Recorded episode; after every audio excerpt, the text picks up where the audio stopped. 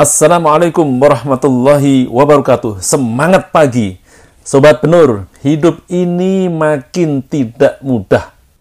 Jangan dibawa makin susah dengan pesimis, menyerah dengan keadaan dan negative thinking. Yuk, stay tune in podcast penur Bengkel Nurani agar Anda selalu semangat, optimis, dan antusias. Let's go! Sobat penur, di episode pertama ini, saya akan sharing pengalaman saat saya menunggu antrian. Tetap stay tune in podcast Penur, Bengkel Nurani, agar selalu semangat, optimis, dan antusias. Sobat Penur, ada sebuah pameo bahwa menunggu itu membosankan.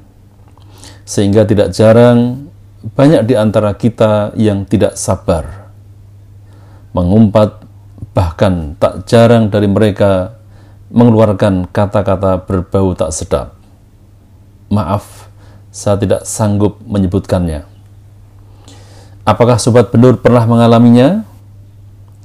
Pameo itu bagi saya menjadi pembelajaran hidup. Tentu saya tidak mau melakukannya, karena bagi saya menunggu itu mengasihkan, bisa menjadi media perenungan mengolah kesabaran dan keikhlasan. Gak percaya? Yuk, Sobat Benur ikuti kisahnya. Suatu pagi, saat akan memasuki bandara Sepinggan Balikpapan, saya dikagetkan oleh antrian masuk di bandara yang membludak. Bahkan antrian itu juga terlihat di counter check-in salah satu maskapai nasional. Ini hari apa? Kenapa antrian bisa separah ini? Oh iya, saya baru ingat. Hari ini adalah Jumat. Esok hari adalah libur akhir pekan. Mungkin mereka mau pulang kampung atau liburan. Semoga liburan mereka menyenangkan. Amin. Sobat Benur, saya lihat satu persatu siapa saja mereka yang berada dalam antrian. Ternyata sebagian besar adalah anak-anak santri. Saya lihat mereka berpeci, menggunakan gamis, banyak tentengan dan tas besar yang dibawa serta. Mungkin mereka adalah anak-anak santri yang harus kembali ke pondoknya di Jawa. Tapi Sebagian yang lain dengan membawa tas yang sama gedenya masuk di antrian paling panjang. Mereka kayaknya mau pelesiran bersama keluarga. Sementara itu, di balik antrian padat itu, saya melihat petugas konter dengan cekatan melayani. Mereka tetap ramah, sedikit senyuman sambil melayani. Saya respect mereka yang menabur kebaikan dengan tetap tersenyum ramah, memberikan layanan dengan hati. Pelanggan pun terasa hormat dengannya. Sebuah contoh baik di pagi ini yang sedang menunggu pun tak tampak cemberut, apalagi mengumpat dengan teriak bising mengundang polusi suara. Nah, ternyata menunggu itu tidak menyebalkan bukan? Pagi ini saya mengajak serta anak ketiga saya, Mustafa Ahmad Al-Ghifari dan ibunya, dua orang hebat yang selalu menjadi sumber nasihat buat saya.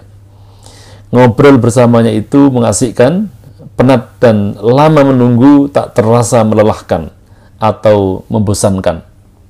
Sobat Benur, syukur Alhamdulillah. Tak seperti biasanya Mustafa, panggilan akrabnya, mulai cekatan. Mulai turun dari kendaraan pengantar, langsung mengambil troli, menurunkan barang, menaruhnya kembali ke troli, lalu membawanya menuju counter check-in. Pemandangan yang beda, yang menggugah bahagia keluarga. Bun, anak kita sudah besar ya. Pinter dia lebih ringan beban fisik kita saat ini. Meski beban batin akan terus membesar hingga mereka menjadi anak soleh bisikku. Menunggu itu mengasihkan, bisa menjadi nasihat diri, apalagi saat menunggu antrian ditemani keluarga. Bagi saya, keluarga menjadi sumber nasihat yang luar biasa, sumber ilmu tanpa batas untuk memperpanjang sumbu sambil belajar banyak tentang kehidupan bersama, kesabaran, dan keikhlasan. Sama halnya dengan kehidupan ini, kita sedang menunggu antrian untuk menghadap Sang Khalik apalagi keluarga, saudara, dan sahabat kita tercinta di rundung kesedihan yang mendalam. Karena pandemi COVID-19 merenggut nyawa. Semoga kekuatan, kesehatan, dan keberkahan selalu kita dapatkan. Sobat Benur, menunggu adalah golden opportunity, kesempatan emas yang Tuhan berikan pada kita. Tak semua orang mendapatkannya, Kesempatan hidup lebih lama itu anugerah yang harus disyukuri. Selagi kesempatan masih ada, selagi menunggu antrian mengisi kehidupan dengan amalan terbaik, sikap dan perilaku yang baik, ibadah yang baik, saling menolong, saling mendoakan, merupakan kekuatan yang dahsyat untuk menggapai harapan. Sobat Benur, sikap bersungguh-sungguh, jujur, sabar dan tetap berprasangka baik dengan Tuhan adalah juga bagian dari kebaikan sambil menunggu antrian. Mumpung umur masih ada, kesempatan masih terbuka untuk mengisi kehidupan dengan berbuat baik. Firman Allah di dalam Al-Quran Surat Al-Mulk ayat 2 menjadi pengingat pada kita bagaimana kita harus bersikap. A'udzu billahi. Bismillahirrahmanirrahim. Alladzi khalaqal mauta wal hayata liyabluwakum ayyukum ahsanu amala wa huwal azizul ghafur. Yang menjadikan mati dan hidup supaya dia menguji kamu siapa di antara kamu yang lebih baik amalnya dan dia maha perkasa lagi maha pengampun. Marilah kita isi hidup dengan berkompetisi dengan amalan terbaik agar kelak kita beroleh kebaikan yang menyelamatkan. Sobat Benur, demikianlah seharusnya kita hidup ini sambil menunggu antrian dengan berbagai amal kebaikan. Tetap stay tune in podcast Benur Bengkel Nurani agar selalu semangat, optimis, dan antusias Wallahu a'lamu bisawab. Wassalamualaikum warahmatullahi wabarakatuh. Assalamualaikum warahmatullahi wabarakatuh. Semangat pagi. Hidup ini makin tidak mudah. Jangan dibuat susah. Stay tune in podcast Penur, Bengkel Nurani, agar Sobat Penur selalu semangat, optimis, dan antusias Let's go! Episode kedua kali ini saya akan sharing pengalaman saat pulang kampung Juni lalu di kota Cepu, Jawa Tengah. Episode ini saya beri judul bukan opor ayam kampung biasa. Tetap stay tune in podcast Benur Bengkel Nurani, podcast penebar semangat, optimisme, dan antusiasme. Selamat mendengarkan kisahnya. Sobat Benur, perjalanan ke Cepu pada Kamis malam 16 Juni 2021 lalu bukan perjalanan biasa. Terasa sempurna. Momen yang mungkin akan hadir kembali seribu tahun lagi. Istimewa. Saya jadi teringat kata-kata ibu Le lebaran pulang ke kampung ya pokoknya makanan kesukaanmu Mama akan siapkan. Seperti biasa, tiga ayam kampung menunggumu. Itulah ungkapan rindu seorang ibu. Saya memanggil akrab dengan panggilan mama. Setelah setahun lebih tidak pulang kampung karena pandemi mengganggu, rasa rindu yang selalu hadir namun tak kuasa untuk bertemu. Tuhan tentu tahu. Tinggal menunggu waktu. Kesempatan itu pasti akan datang menghampiriku. Hebat memang mamaku tak memakan bangku sekolah menuntut ilmu namun kemampuan merayu dengan balutan rindu begitu sahdu. Rayuan rindu itu telah menggugah memori lama yang terlelap di dalam peraduan memoriku. Aku yakin ini bukan sekedar opor ayam kampung biasa.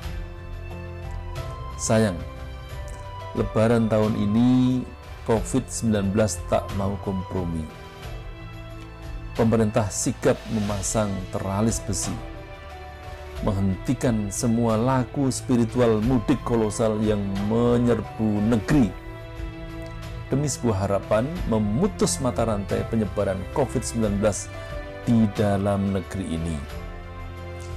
Sobat Nur, entah sudah berapa, berapa kali tanya, Mama tetap konsisten mengungkapkan rasa rindunya Mungkin dengan cara itu Tuhan akan menutup rasa ingin bertemunya dengan perjumpaan nyata denganku. Le, lebaran di kampung sepi. Tak ada lagi lalu lalang tamu berkunjung di teras depan rumah. Janji oleh mulai, kata mama penuh harapan. Suasana batin mentor agung sepanjang hidupku tak kuasa aku mendengar dan terus mendengar ngiang rindu. Terasa beribu salah memanjat doa dan ampunanmu ya Allah.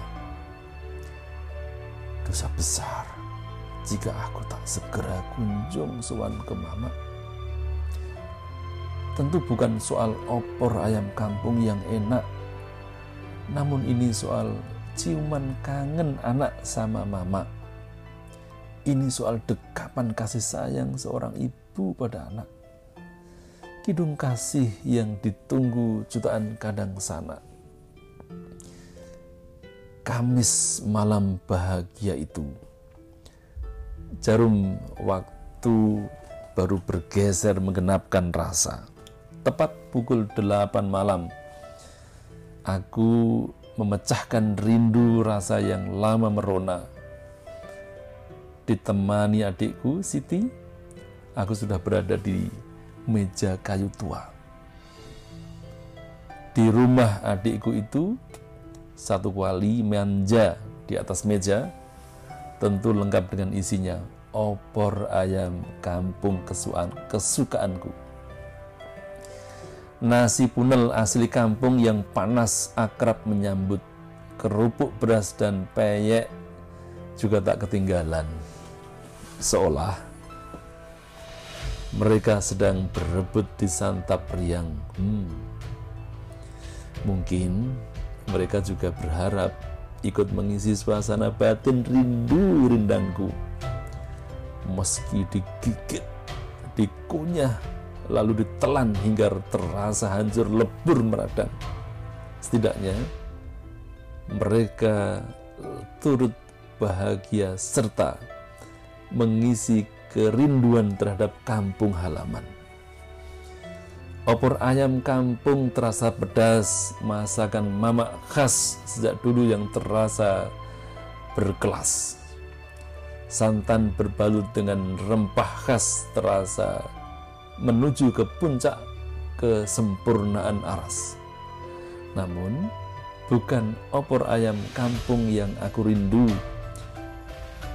suasana batin duduk kembali bersama mama dalam satu meja menjadi pemicunya. Sobat Nur, nasihat indah membuncah, hidung cinta kasih keluarga yang renyah, pernak-pernik keluarga dibalut bunga, kesemuanya hadir dalam satu meja makan yang penuh berkah. Tersaji bersama kenikmatan opor ayam kampung yang mewah.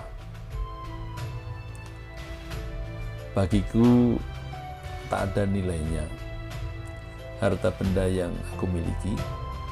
Bukit emas sekalipun tak terasa menyilaukan benak hakiki. Mobil mewah terbaru sekalipun tak akan terasa nyaman dikendarai. Jabatan, hmm, apalagi. Keluarga dan momen seperti ini pasti tak tertandingi, sekalipun dengan jabatan tinggi. Dalam satu meja bersama orang terkasih adalah segalanya. Sebuah kesempurnaan nyata, bukan fata morgana. Inilah puncak rindu yang bertemu dengan segenap asa. Sekali lagi, ini bukan sekedar oyo, opor ayam kampung biasa. Ini soal kehidupan, soal kerinduan yang tumpah ruah dalam suasana batin yang merekah bahagia. Terima kasih Mama, terima kasih atas opor kampungnya yang telah membuang rindu. Inilah obat rindu yang menyembuhkan batin pilu, tak mengenang masa lalu yang nyaris hilang, terkubur masa lalu. Tetap stay tune in podcast penur Bengkel Nurani, podcast penebar semangat, optimisme, dan antusiasme. Sekian dan tetap pantau kisah-kisah menarik berikutnya. Assalamualaikum warahmatullahi wabarakatuh. Semangat pagi!